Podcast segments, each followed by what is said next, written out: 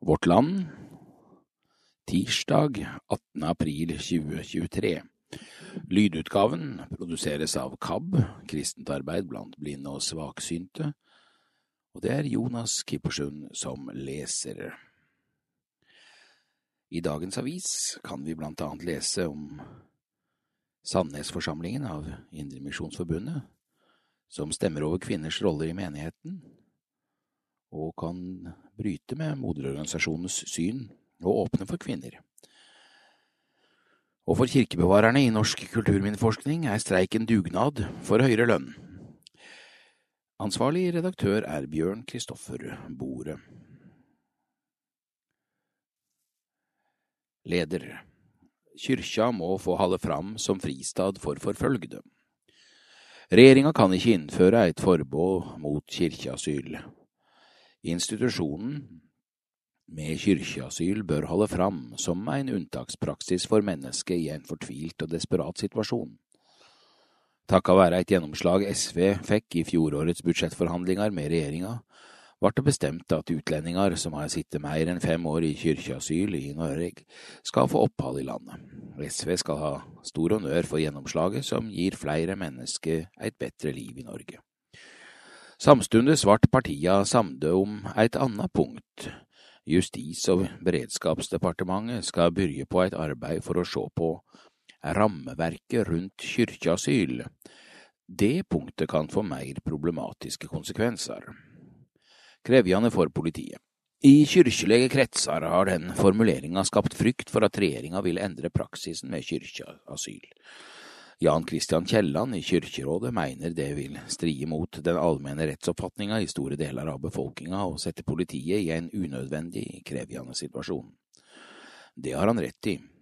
Ordninga med kirkeasyl ble regulert i et rundskriv i 1999, som seinere ble oppheva.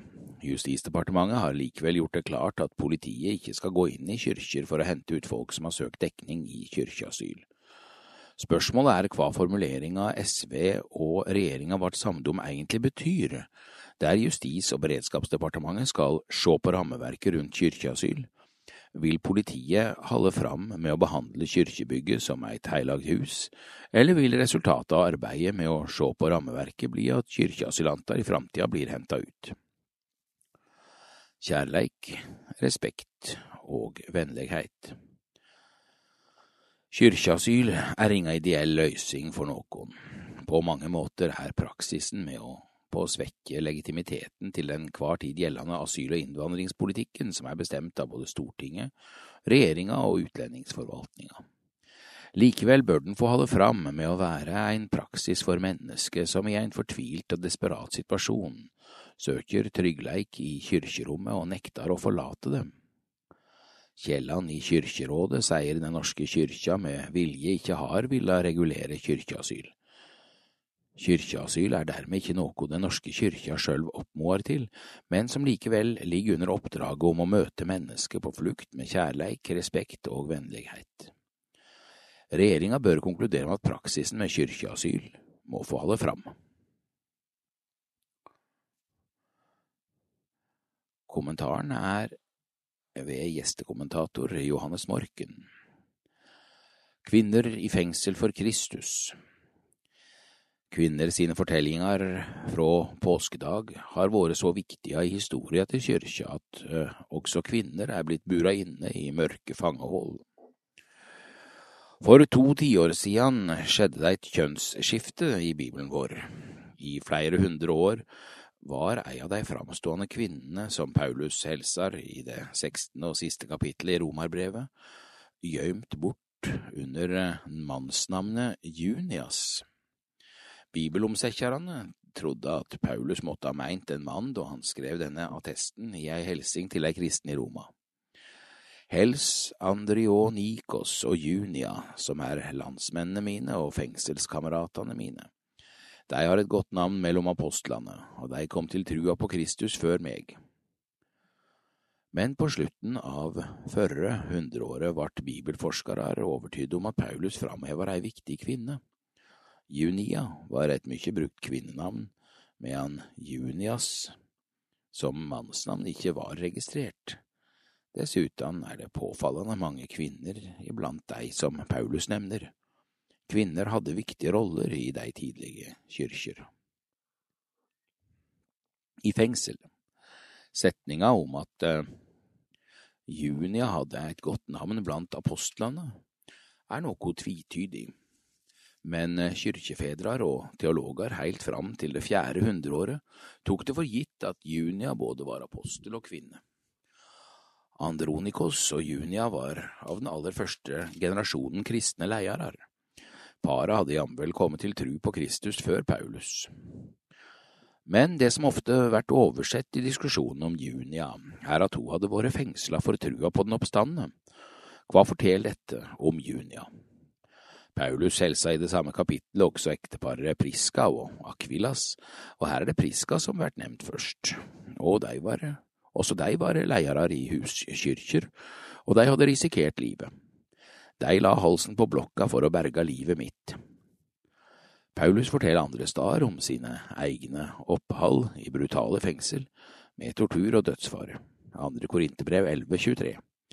Fengsel var blant de mørkeste og styggeste stedene i det romerske samfunnet. Så hva gjorde ei kvinne som Junia der? Fengsel for menn.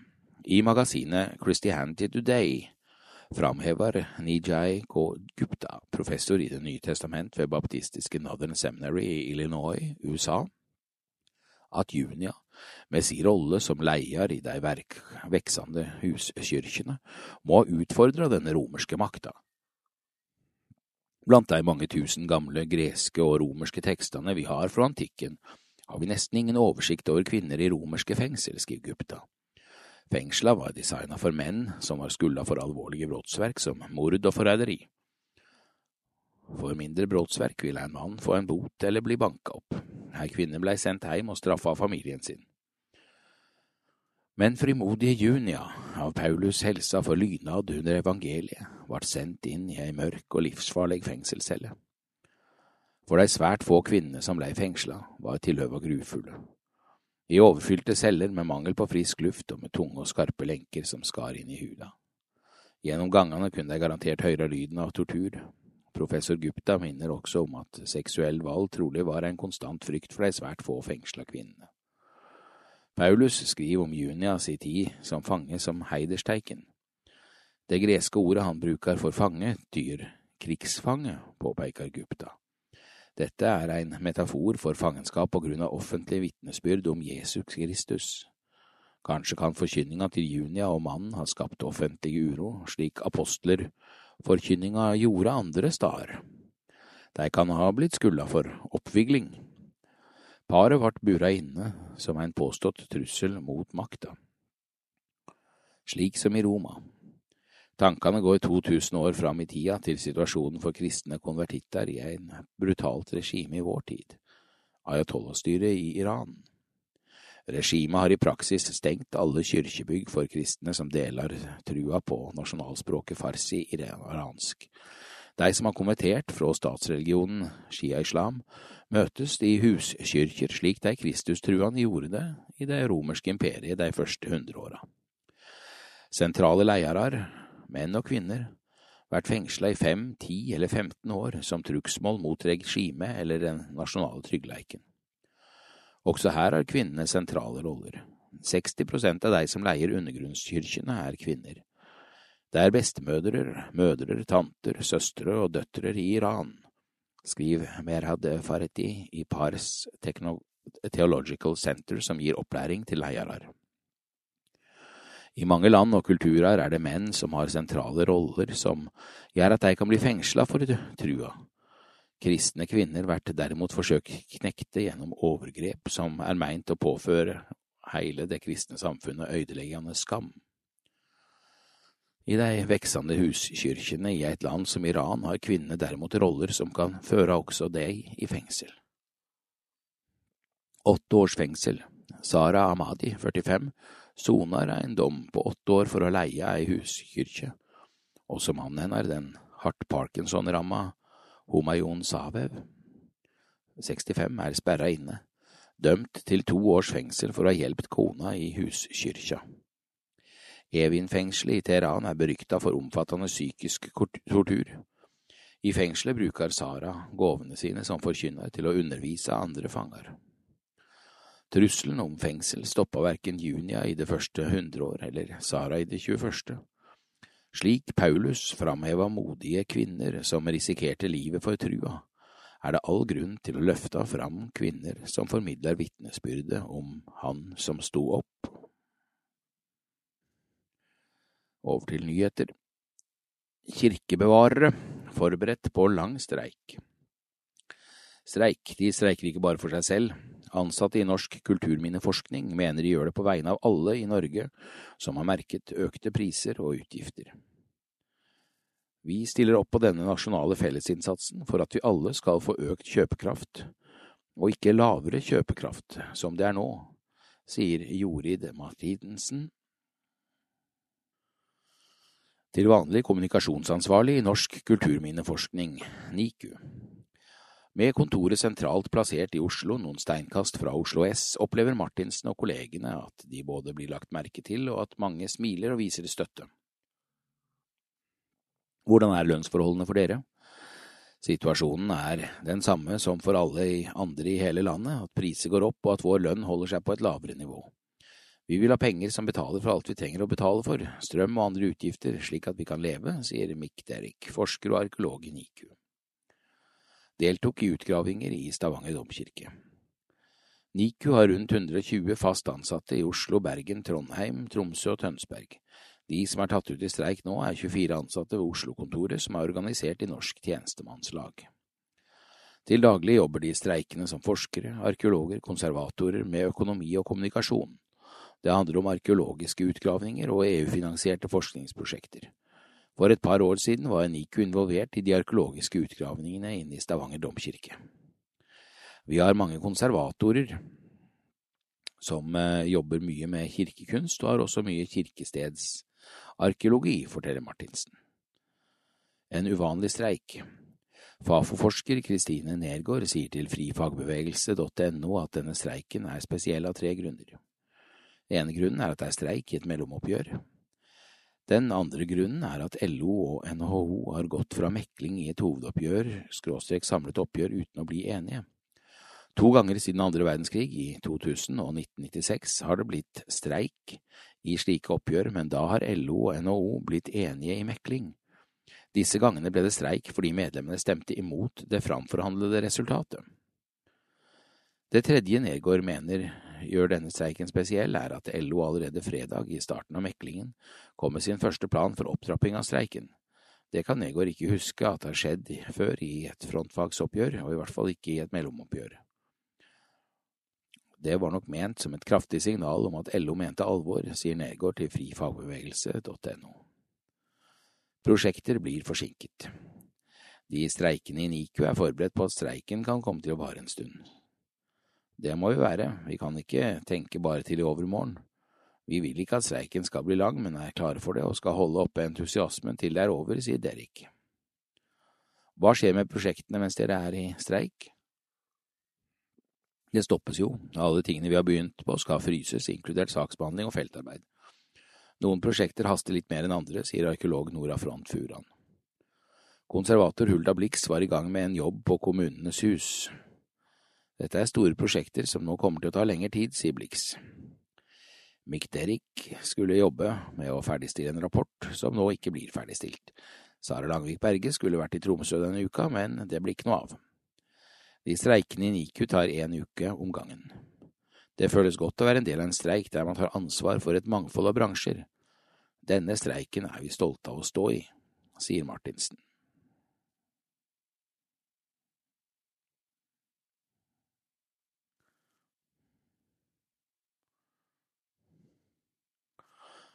Vi knytter til en kommentar der fra nyhetskommentator Emil André Erstad.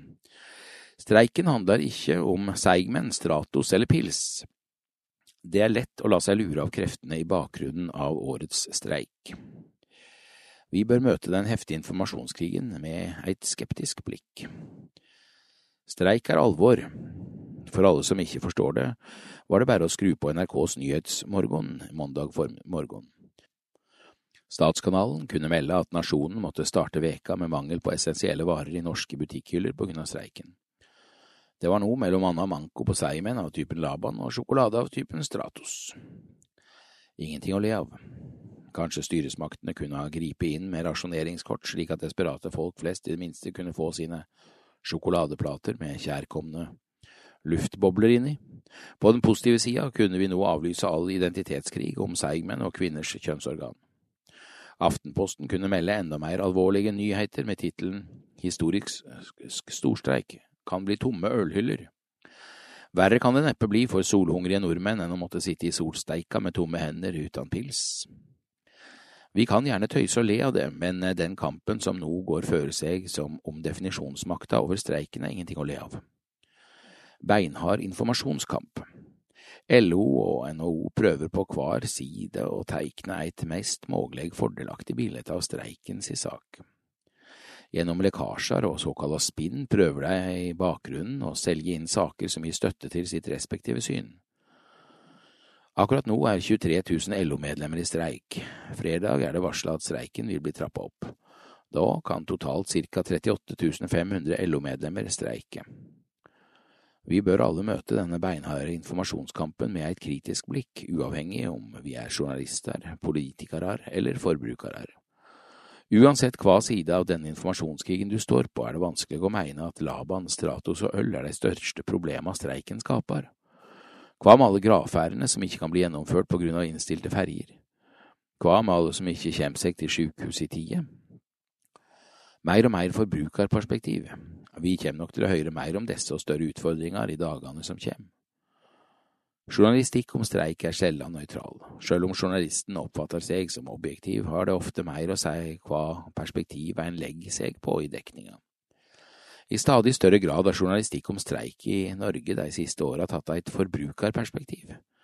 Det er et klart og aktivt verdivalg redaksjonene har gjort som går på kostnad av andre interesser, til dømes vanlige folk sine arbeidsvilkår. Hvorfor ble det egentlig streik? Heller ikke der er NHO og LO samde. Sistnevnte mener det handler om at LO ikke fikk gjennomslag for å øke kjøpekrafta i forhandlingene med arbeidsgiversida i NHO. NHO har valgt å avvise våre krav, sa LO-leder Peggy Hessen Følsvik da streiken var et faktum.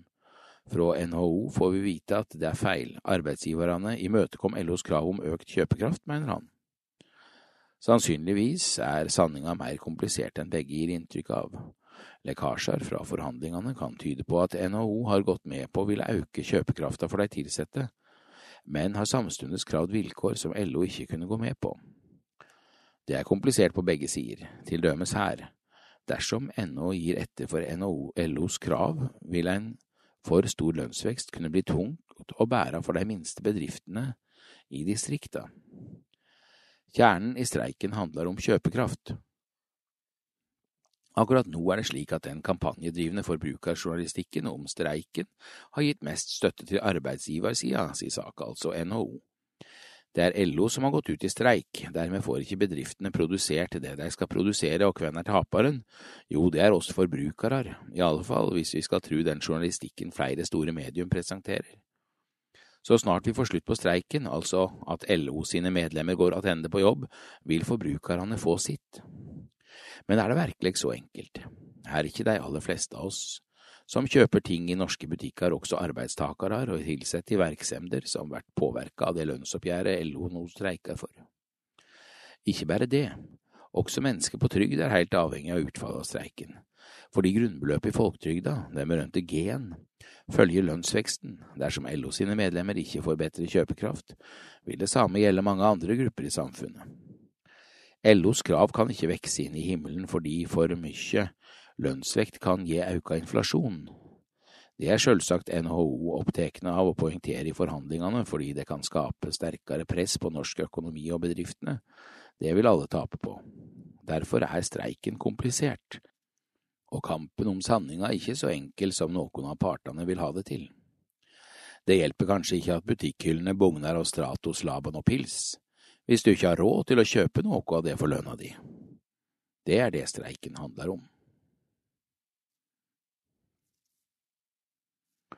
Så over til eh, Sandnes og Fredheim Arena skal avgjøre om kvinner får sitte i eldsteråd. Vedtak.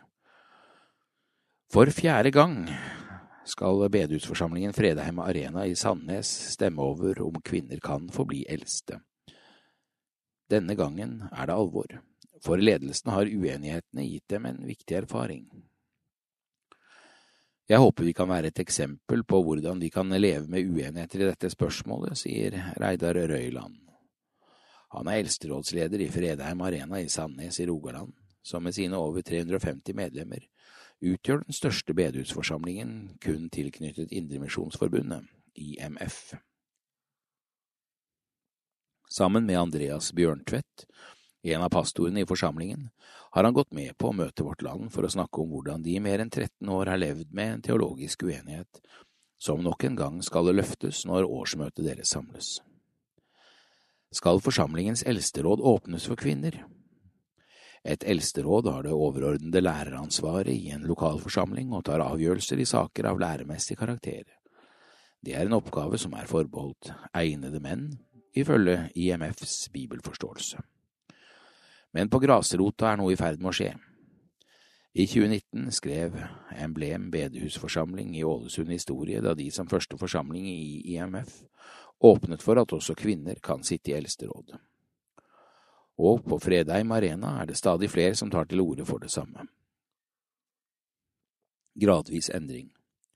Da forslaget om kvinnelige eldste var til behandling på årsmøtet til Fredheim Arena i fjor, fikk det for første gang to tredjedels flertall.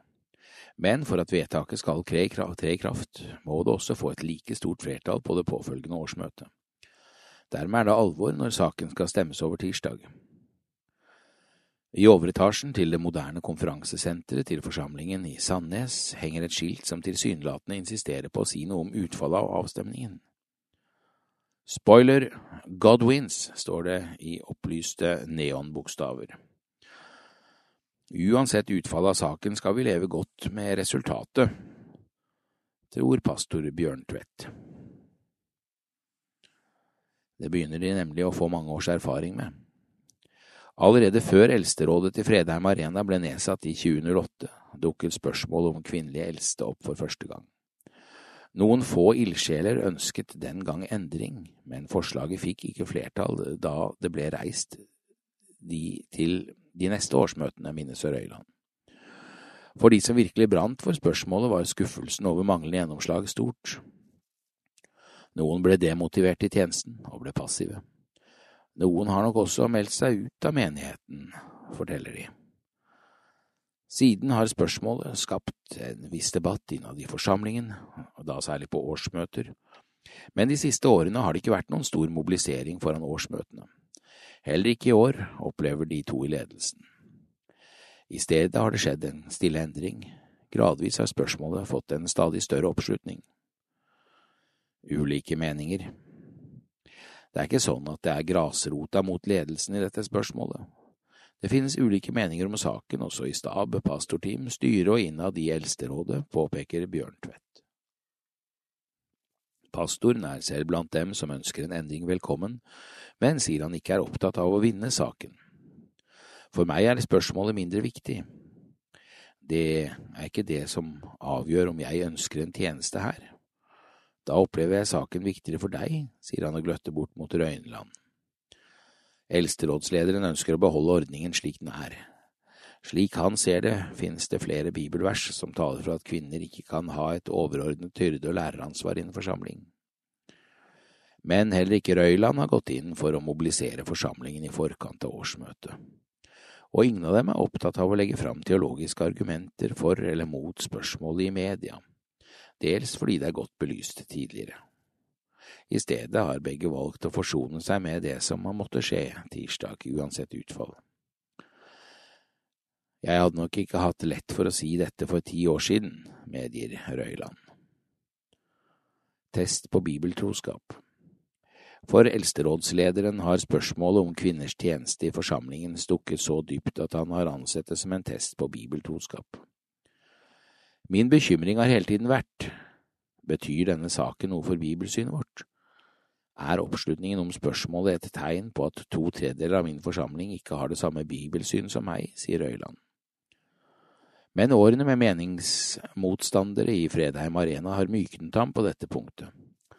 Han har erkjent at spørsmålet om kvinnelige eldste ikke er like entydig som et regnestykke hvor to pluss to er fire.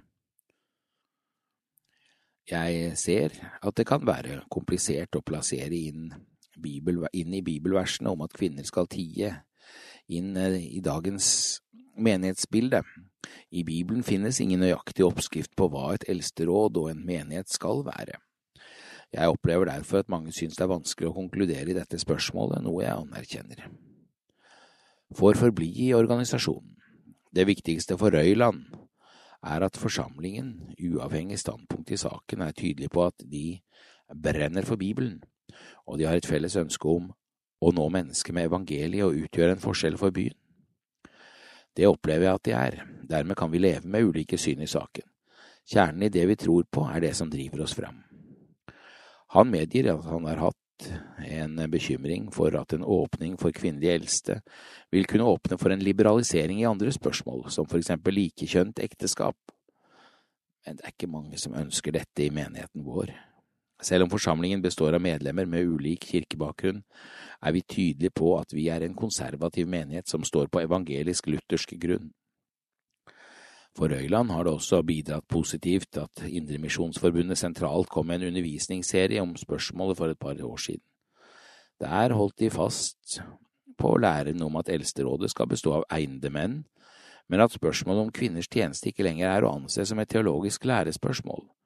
Forsamlinger som konkluderer annerledes enn IMF sentralt, får også forbli i organisasjonen.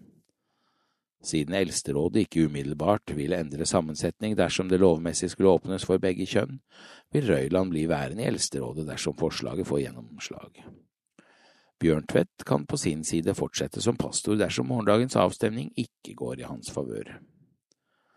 Ønsker ikke å holde, tilbake, holde kvinner tilbake.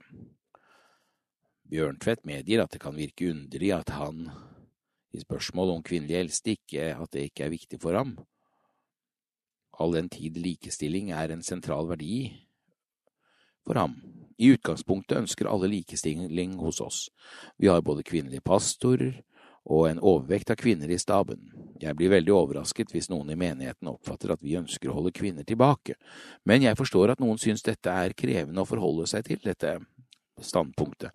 Det handler om å bryte en kirkelig og teologisk tolkningstradisjon som har vært i veldig lang tid, og da skal man vandre langsomt.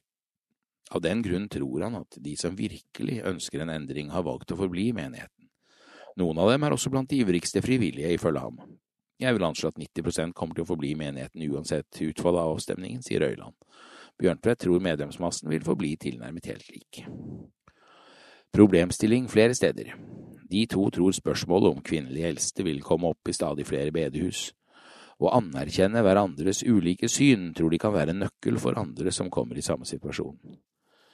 Det viktigste er at vi tross alt jobber for den samme saken, å nå mennesker med evangeliet, sier Bjørntveit.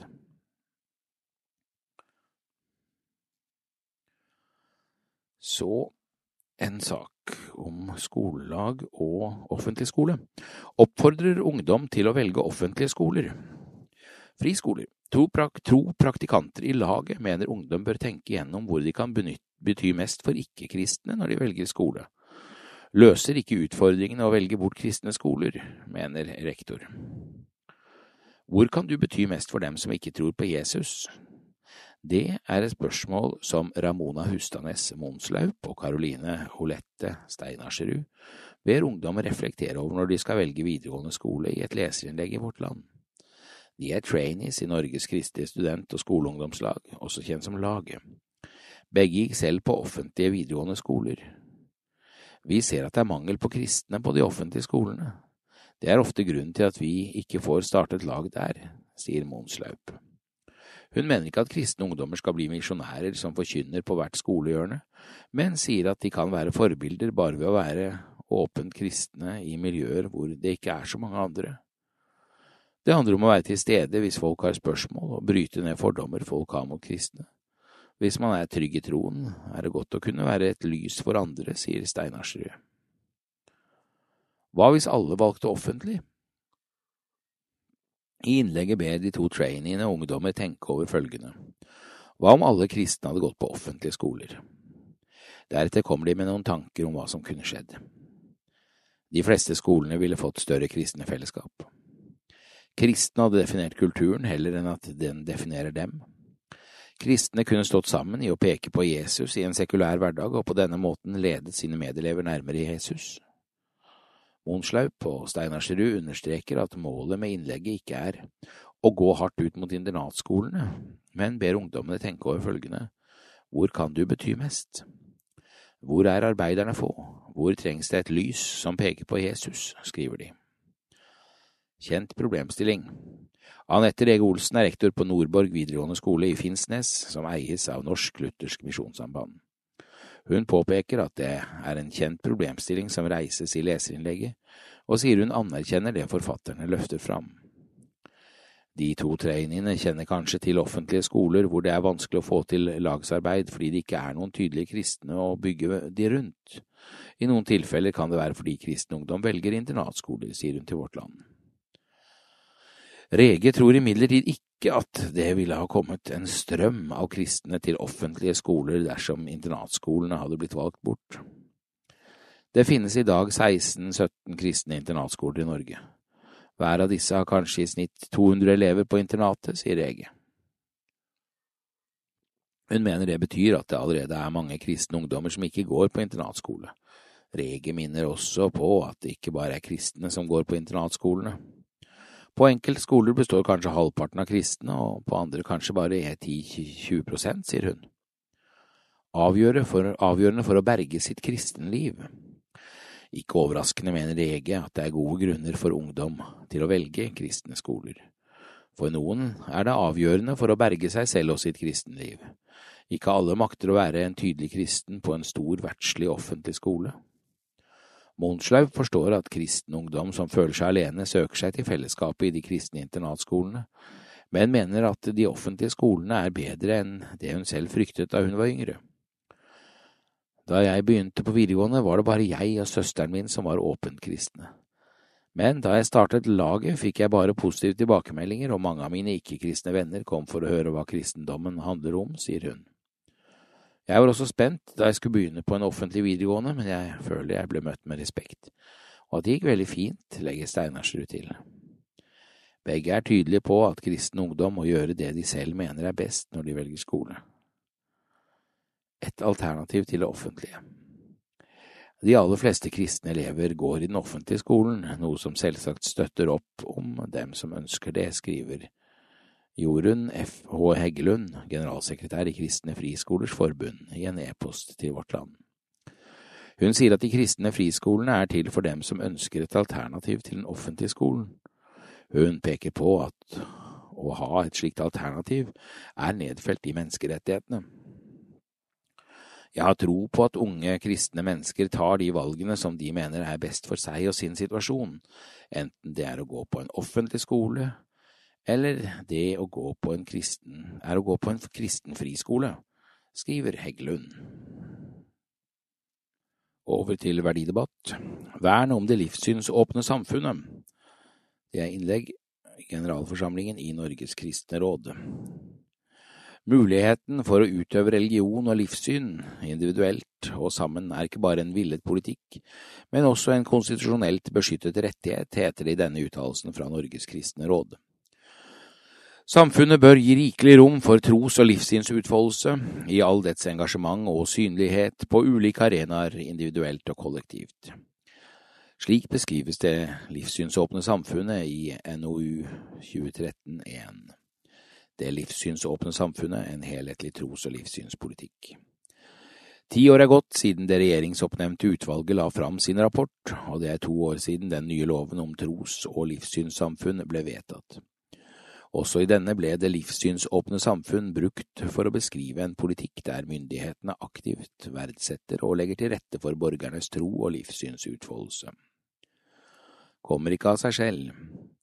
I Hurdalsplattformen heter det at regjeringa ønsker eit livssynsåpent samfunn, og at trus- og livssynssamfunnene er viktige både for enkeltmennesket og for storsamfunnet. For mange mennesker utgjør det viktige fellesskap, og de skaper tilhørsel og identitet. En slik verdsetting av tro og livssyn er en styrke for samfunnet. Norske myndigheters aktive støtte og finansiering av tro og livssyn bekrefter dette. Men et livssynsåpent samfunn kommer ikke av seg selv, det er noe vi aktivt må arbeide for å ivareta. Tros- og livssynssamfunn bidrar i stor grad inn i lokalsamfunn og storsamfunn. Innskrenking Det er ikke uvanlig å høre det norske samfunnet omtalt som livssynsnøytralt. Tro påstås å høre hjemme i privatlivet og ikke i det offentlige rom men en slik tankegang strider med intensjonen i lovverket og med retten til å utøve tro og livssyn i det offentlige rom. De siste årene har vist en rekke eksempler på hvordan det livssynsåpne samfunnet i realiteten innskrenkes. I Sogndal ble for eksempel elever nektet å møtes til andakt i regi av laget som en elevaktivitet på skolen.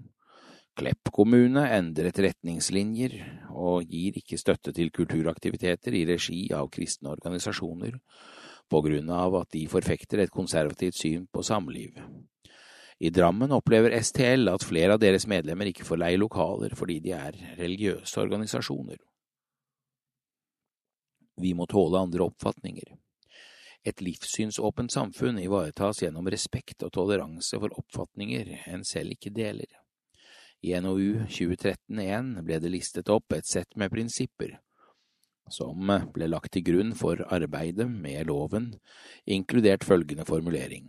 Alle bør akseptere å bli eksponert for andres tros- og livssynspraksis i det offentlige rom.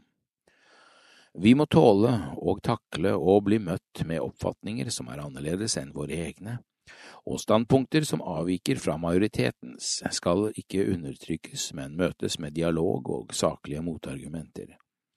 Religionskritikk er et nødvendig gode i et demokratisk samfunn. Å skyve tro og livssyn unna det offentlige rom gjør samfunnet ikke bare fattigere, men også mindre robust til å tåle mangfold. Kunnskap om religion motvirker berøringsangst og skaper trygghet og tillit. En viktig rettighet. Muligheten for å utøve religion og livssyn, individuelt og sammen, er ikke bare en villet politikk, men også en konstitusjonelt beskyttet rettighet. Frihet til enten alene eller sammen med andre, og offentlig eller privat, å gi uttrykk for sin religion eller tro gjennom undervisning, utøvelse, tilbedelse og ritualer. Menneskerettserklæringen artikkel 18 Det livssynsåpne samfunnet ivaretar denne rettigheten. La oss sammen verne om det.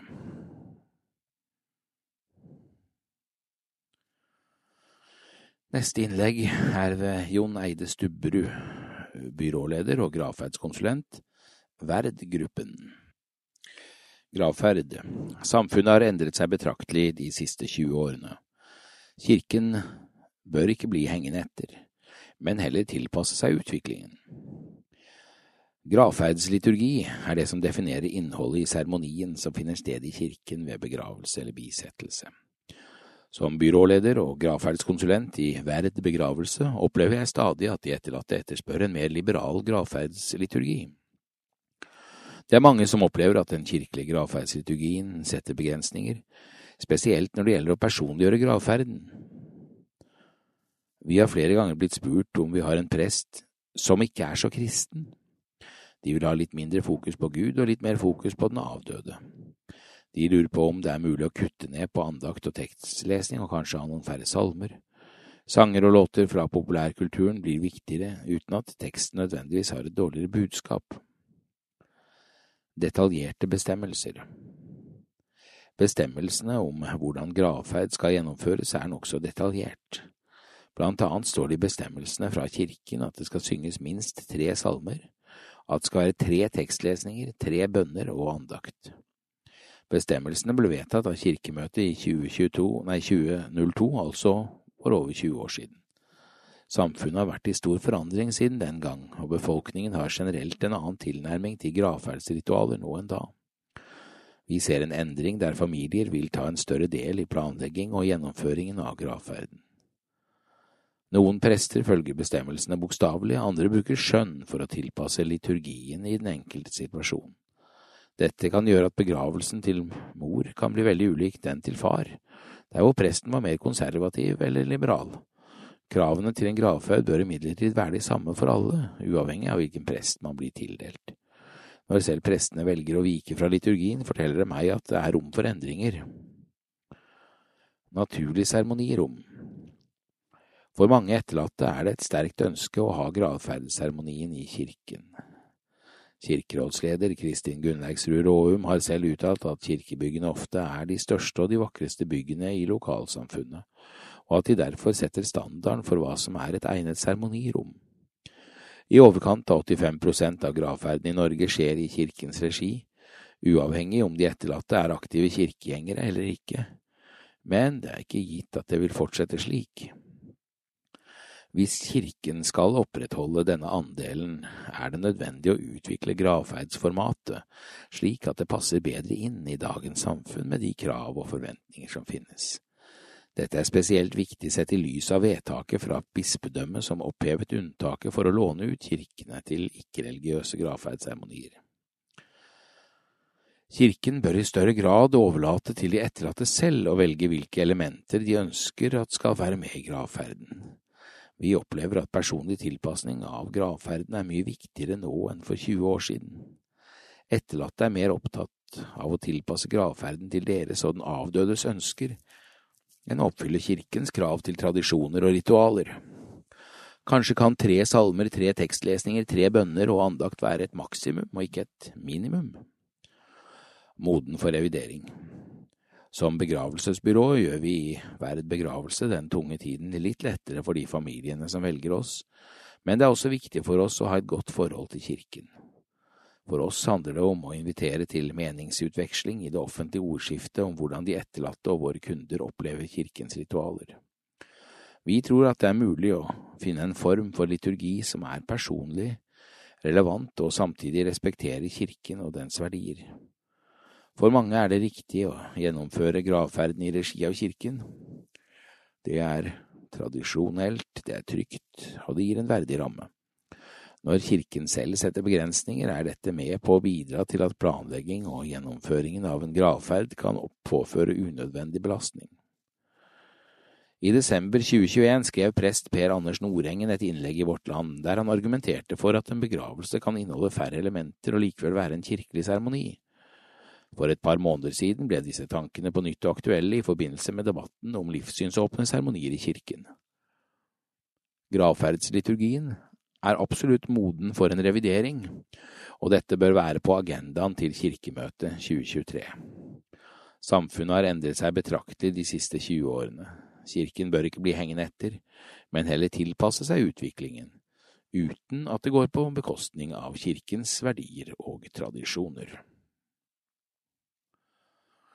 Over til kultur.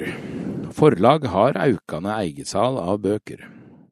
Bokbransjen Flere forleggarar kan melde om aukende sal av bøker på egne nettsider. Forferdelig, sier Tronsmo-sjef Eva Stenlund Thorsen. Vi er forplikta til hele tida å jobbe best mulig med å nå ut med bøkene til forfatterne våre. Salet gjennom egne kanaler er i kraftig vekst, sier forlagssjef Alexander Even Henriksen i Bonnier Norsk Forlag. Henriksen er en av flere forleggere som kan melde om aukende sal av bøker på egne nettsider. I Bonniers tilfelle har auken de siste to åra vært markant. For to og et halvt år siden regna vi ikke eget sal i prosenter engang, sier han. Han vil ikke ut med tall på hvor stor del av omsetninga som kommer fra sal gjennom egne kanaler, men tallet er stigende. Enn så lenge er ikke egensalget avgjørende for økonomien til Bonnier Norsk Forlag, men ifølge forlagssjefen er innovasjonen i salgs- og marknadsledda vesentlige i hele bokbransjen, både internt og i samarbeid med eksterne aktører. Innhold og marknadsføring flyter i større grad sammen, som når ei novelle fra ei novellesamling blir lagt på Instagram. Du kan både lese novella og klikke videre for å kjøpe boka. Til sjuende og sist handler det om at forfatterne skal nå ut med verket sitt. I dag aukar heldigvis makta til forfatterne opp mot de tradisjonelle portvakterne, som bokhandlere og forlag, noe som også er uttrykk for demokratisering. Det er høve for flere til å være innholdsskapere og nå ut til publikum med verka sine, sier Henriksen og peker på tjenester som Substack og Patrion, sjølpublisering og forfatterne sine egne sosiale mediekanaler. Tjener mer på eigesal. De fleste forfattere veit at de tjener mye mer på ei bok de selger sjølv, enn på ei bok som blir solgt i bokhandel. Samtidig vil så godt som alle ha et godt forhold til bokhandlene, som det finnes minst 483 av i Norge. Ikke uten grunn, det er i bokhandelen storparten av boksalget går føre seg. I fjor ble det solgt rundt 7,7 millioner papirbøker i norske bokhandler, fordelt på litt under 50 000 boktitler. Bokhandlene får rabatter når de kjøper inn bøker fra de ulike forlagene, og sitter dermed igjen med en ganske stor del av bokkaka, litt avhengig av hvor gode forhandlingskortet de har på handa. Typisk vil de store bokkjedene, Ark, eid av no Gyldendal og Nordli, dels eid av Aschehoug, skaffe seg gode rabatter fordi de kjøper inn store volum. Mindre uavhengige bokhandler kan ha større vansker med å oppnå de samme rabattene. Vårt Land skrev nylig om bokhandler Arne Reinertsen i Vivo Kristiansand som opplevde å få dårligere rabatter da han gikk ut av kjedesamarbeidet med Nordli. Boklov vil regulere rabattsatser. I regjeringa sitt forslag til ny boklov, som ble lagt fram i en stortingsproposisjon rett før påske, er det også et punkt om regulering av den nevnte bokhandlerrabatten. Dette skal hindre forskjellsbehandling med bakgrunn i eierskap. I en marknad der to store forlag eier storparten av bokhandlene. I hva grad vil regulering av avanse gjøre det mer attraktivt for forlagene å satse mer på eiersal av bøker i framtida? Vi skal ikke låse oss til de gamle stiene, det er mulig at boklova kan åpne opp for noen nye muligheter, Vatnet renner nedover og finner stadig nye veier, sier Henriksen, som likevel er tydelig på at bokhandlene i Norge gjør en formidabel jobb. Bokhandlerne gjør en fantastisk jobb med å selge bøker, og vi er de stor takk skyldig, sier han. Strategisk viktig med nettbutikk. Også Kagge forlag kan melde om aukende sal av bøker gjennom egne nettsider. Kagge er Norges største, sjette største forlag, men eig ulikt Gyldendal, Aschehoug og Vigmostad og Bjørge, Haugenbok, ingen egen bokhandel. Forlaget ser det derfor som en viktig del av strategien å ha en god nettbutikk der de selger både nye og gamle bøker, såkalt backlist. Nettsida er en viktig salgskanal for oss, vi har aukende salg derifra, og får blant annet en del trafikk gjennom søk, vi tilbyr et komplett utvalg, så det tikker og går, sier kommersiell direktør Live Mackay i Kagge. Heller ikke hun vil opplyse om konkrete tall, men til liks med Bonnier Norsk Forlag er egensalet så langt ingen avgjørende del av omsetninga. I Kagges tilfelle utgjør det en stad mellom 1 og 9 prosent av totalomsetninga. Mackay kaller egensalet for et tilleggstilbud for kundene, og viktig for at forlaget skal ha flere bein å stå på. Kan egensalet dykkar gå utover salet av bøker i bokhandlene? Det er ikke et problem i dag, men vi er obs på problemstillinga. Vi prøver ikke aktivt å konkurrere med bokhandlene, det er ikke i vår interesse, og vi samarbeider med kjedene, om markedsføring med trafikk til eh, bokhandel. Når forlaga selger bøkene gjennom egne kanaler, i stedet for bokhandelen, får de sjølve marginene som ellers går til forhandlerne. Det vil konkret si at forlaget sparer i hermetegn rabattsatsen, som typisk kan være opp mot 50% for bokkjedene. Dess større volum et forlag sel av egne bøker, dess større del av pengepotten sitter jeg igjen med. Det er med andre ord gunstig for et forlag å selge en større del av bøkene sine sjølve. Kan dette bli et dilemma i framtida? Ja, det kan bli et dilemma. Det er ei avveiing vi må ta hele tida. Det er ikke noe problem i forhold til bokhandelen i dag, men vi vil alltid gjøre det som er best for forfatterne. Det er omsynet til forfatterne som sitter i førersetet, sier Mackay. Vil vise fram bredde. For tre år siden begynte også forlaget Oktober å selge egne bøker på nettsida si. Forlagssjef Inger I. Engelstad sier at de opplevde vekst under pandemien, men er i nedgang i etterkant. For oktobers del utgjør det totale egensalget i bøker under 1% av omsetninga. Vår viktigste salgskanal er bokhandlene. Men det er fint å ha et vindauge der vi kan vise fram bredda av bøkene våre, og løfte fram titler som ikke nødvendigvis ligger stabler i de fysiske butikkene. Det fører ikke til så mange ekstra sal, men ethvert sal er viktig for at boka skal nå ut til leserne, sier Engelstad. Hun håper at bokhandlene holder fram med å være den viktigste salgskanalen også i framtida. Det finnes så mange flinke bokhandlere der ute som kan vegleie leserne til den gode litteraturen, sier forlagssjefen. Så de har fremdeles et godt forhold til Tronsmo bokhandel som ligger like ved forlaget. De har ikke tatt så mange markedsandeler på eigensalet. Vi har et kjempegodt forhold til Tronsmo. De jobber også for bredda i litteraturen og er en viktig bokhandel for oss, sier Engelstad. Svært misnøyd med tendensen. Inne på Tronsmo er rett nok ikke relasjonen like rosenraud. Bokhandler Eva Stenlund Thorsen minnes det gode forholdet de hadde til oktober før. Situasjonen endra seg da forlaget stoppa å sende bokbestillinger videre til bokhandelen for rundt tre år siden. Vi har ikke et dårlig forhold, men det er ikke som det var. Vi har egentlig ikke noe forhold til oktober i det hele, iallfall ikke noe bedre forhold enn vi har til andre forlag sier Steinlund Thorsen. Hun kan forstå at små forlag som til dømes har vansker med å få bøkene sine inn i kjedebokhandlene, ser seg nøyde til å selge bøker sjølve, men trenden med at også større forlag selger sine egne bøker, er hun svært misnøyd med. Det er forferdelig. Før var det slik at forlaga ga ut bøker og bokhandlene selgte deg. Nå kan vi kjenne oss som et hår i suppa.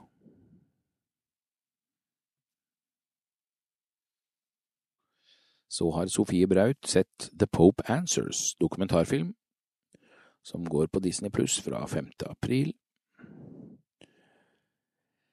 og anmelder den når paven inviterer inkvisisjonen. Pave Frans svarer på kritiske spørsmål fra ti unge personer. Er det her vi endelig får svar på om paven er blitt liberal?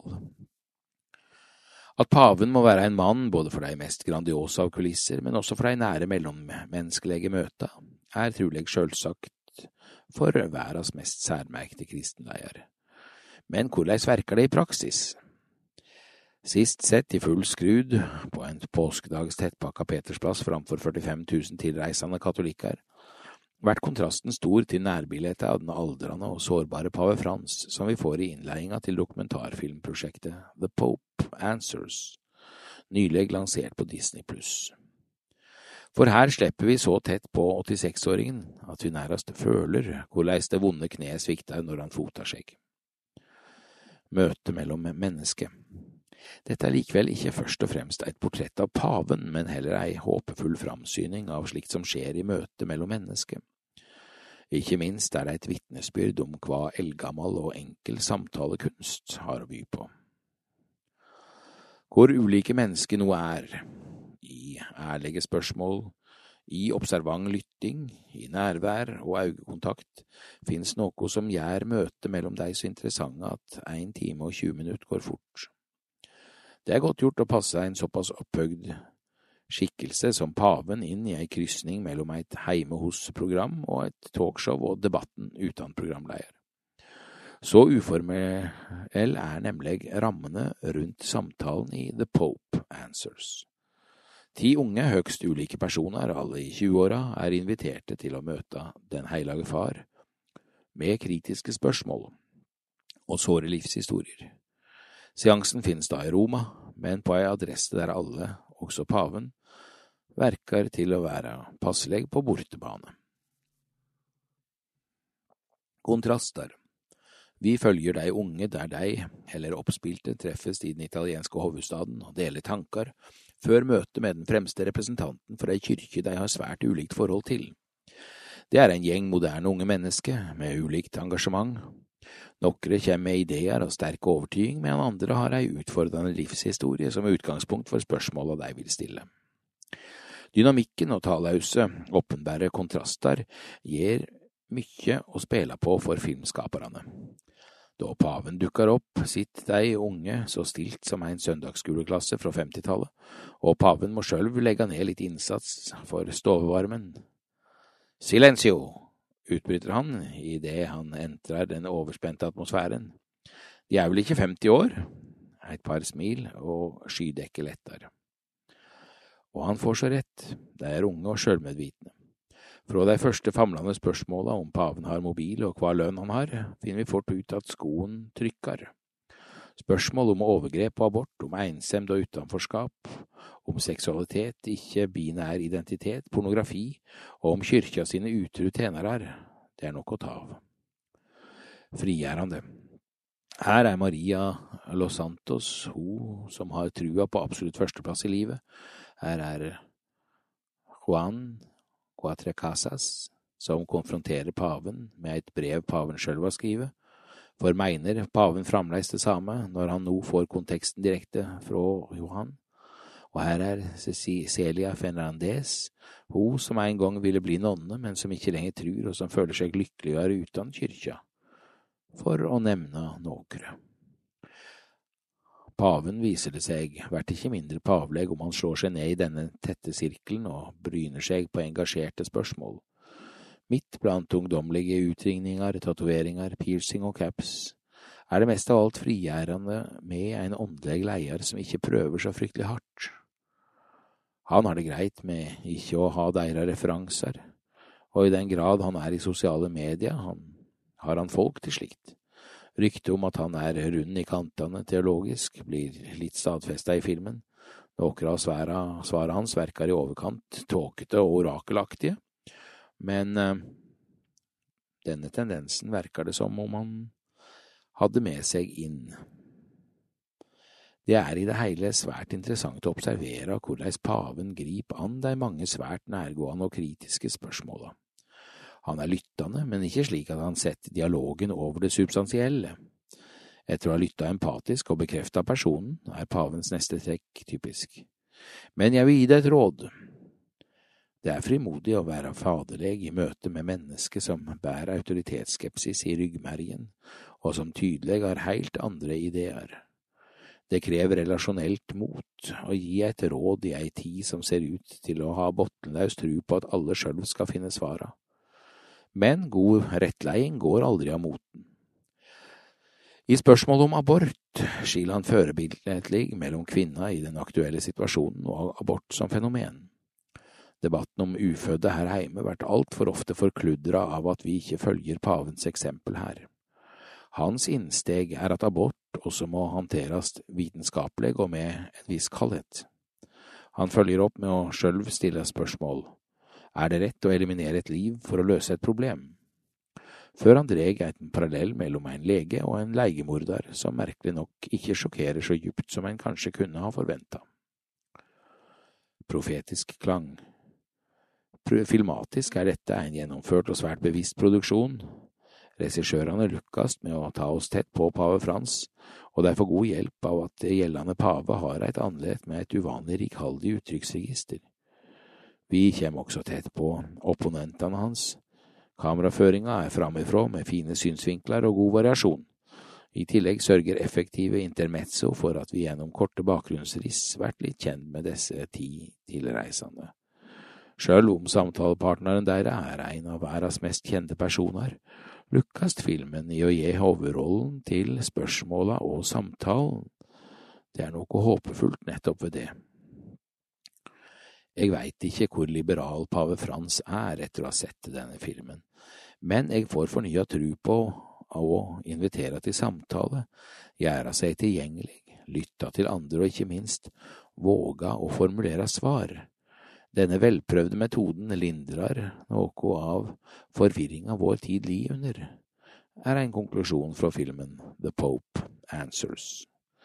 Dessuten, rådet han til slutt gir hun som er glad for å ha tatt et oppgjør med både Gud og kyrkja, har profetisk klang langt ute på den identitetspolitiske hengemyra som hemmer den frie meningsdanninga.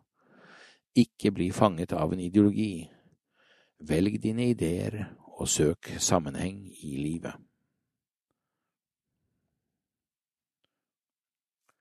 Ettertanken er i dag ved Ragnhild Helena Aadland Høen. Hun er kommunikasjonsleder og tilhører Den katolske kirke. Bibelteksten er fra Salmenes bok 23, 1–6. En salme av David. Herren er min hyrde, jeg mangler ikke noe. Han lar meg ligge i grønne enger, han leder meg til vann der jeg finner hvile. Han gir meg nytt liv, han fører meg på rettferdighetsstier for sitt navns skyld. Om jeg enn skulle vandre i dødsskyggens dal, frykter jeg ikke noe ondt, for du er med meg, din kjepp og din stav, de trøster meg. Du dekker bord for meg, like foran mine fiender, du salver mitt hode med olje. Mitt beger renner over. Bare godhet og miskunn skal følge meg alle mine dager, og jeg skal bo i Herrens hus gjennom alle tider. Han la meg bade i timevis. Første gang jeg virkelig oppdaget Salme 23, var i bølgene utenfor den grønne og frodige øya Korfu. Jeg var på interrail med en god venninne, og vi hadde reist langt og lenger enn langt, over Skagerrak og Alpene, innom Verona, Venezia og Cecilia på vei til Aten. Å være på en langvarig oppdagelsesreise er utrolig gøy, men det er også intenst og krevende. Jeg trengte hvile. Fra før kunne jeg ordene i Salme 23 så farlig godt at jeg var blitt nesten blind for dem. Men jeg bestemte meg for å ta med meg gjeteren Davids ord ut i hvilens vann og der ute i det joniske havet fikk jeg ligge og erfare sannheten i Guds ord. Herren er min hyrde, jeg mangler ingenting. Han lar meg ligge i grønne enger, han leder meg til vann der jeg finner hvile, han gir meg nytt liv. Mens jeg badet i de joniske bølgene, i det lengste badet jeg noen gang har hatt, sank Davidsalmen inn i meg. Det var som om saltvannet vasket ordene rene, slik at jeg endelig kunne se teksten for første gang med et friskt og nybadet blikk. Det er risikofylt å se på de samme tingene for mange ganger. Resultatet kalles husblindhet. Den husblinde ser verken hva som er feil i huset sitt, eller hvilke unike kvaliteter huset hans har. Det er fort gjort å bli husblind, uansett hvor du bor. Det er spesielt uheldig å bli husblind i kirken og i troen. Selv er jeg oppvokst i en kristen familie i et kristent land. I en alder av 25 år hadde jeg opparbeidet rimelig mye husblindhet. Jeg måtte reise helt til Asia for å bli kvitt den. Du aner ikke hvor fantastisk det kristne evangeliet er før du har fortalt det til noen som aldri, aldri har hørt det før. Å sitte der med dem og lese høyt for så høyt har Gud elsket verden at han ga sin sønn, den enbårne, for at hver den som tror på ham ikke skal gå fortapt, men ha evig liv. Johannes 3, 16. Å få lese det som om det var for første gang, fordi det var for første gang, lys i øynene deres, o lykke. Evangeliet er jo helt hinsides vakkert og sterkt. Hvordan ser så fortellingen om Jesus som den gode hyrde, ut uten husblindhet. For en del år siden kalte jeg sammen noen som hadde svaret. To- og fireåringen. Jeg har lyst til å fortelle en historie som Jesus fortalte, begynte jeg. Vet dere hva en hyrde er?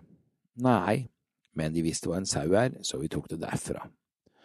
Da fireåringen oppdaget at gjeteren var Jesus og at sauen var henne, ble hun fylt av fryd. I en hel time ville hun bare høre om Jesus. Hun ville høre om han som kjenner hver eneste sau, han som kaller henne med navn, han som elsker sauene så høyt at han gir livet sitt for dem, han som passer på sauene slik at de er trygge, og hvis en sau tuller seg bort, for det hender med sauer av og til, så leter og leter han helt til han finner den. Ingrid, Ingrid, roper han høyt, og Ingrid kjenner igjen stemmen til han som hun er så glad i.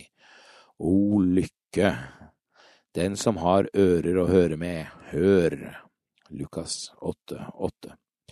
I dag ber jeg, gode hyrde, Gode Jesus, la meg se deg som om jeg aldri før har sett deg. La meg høre deg som jeg aldri før har hørt deg. Hjelp meg å følge etter deg i dag, alle dager. Amen. Da gjenstår det bare å ønske dere som har fulgt denne lydutgaven av Vårt Land, produsert av KAB, kristent arbeid blant blinde og svaksynte, og lest av Jonas Kippersund, en riktig god dag.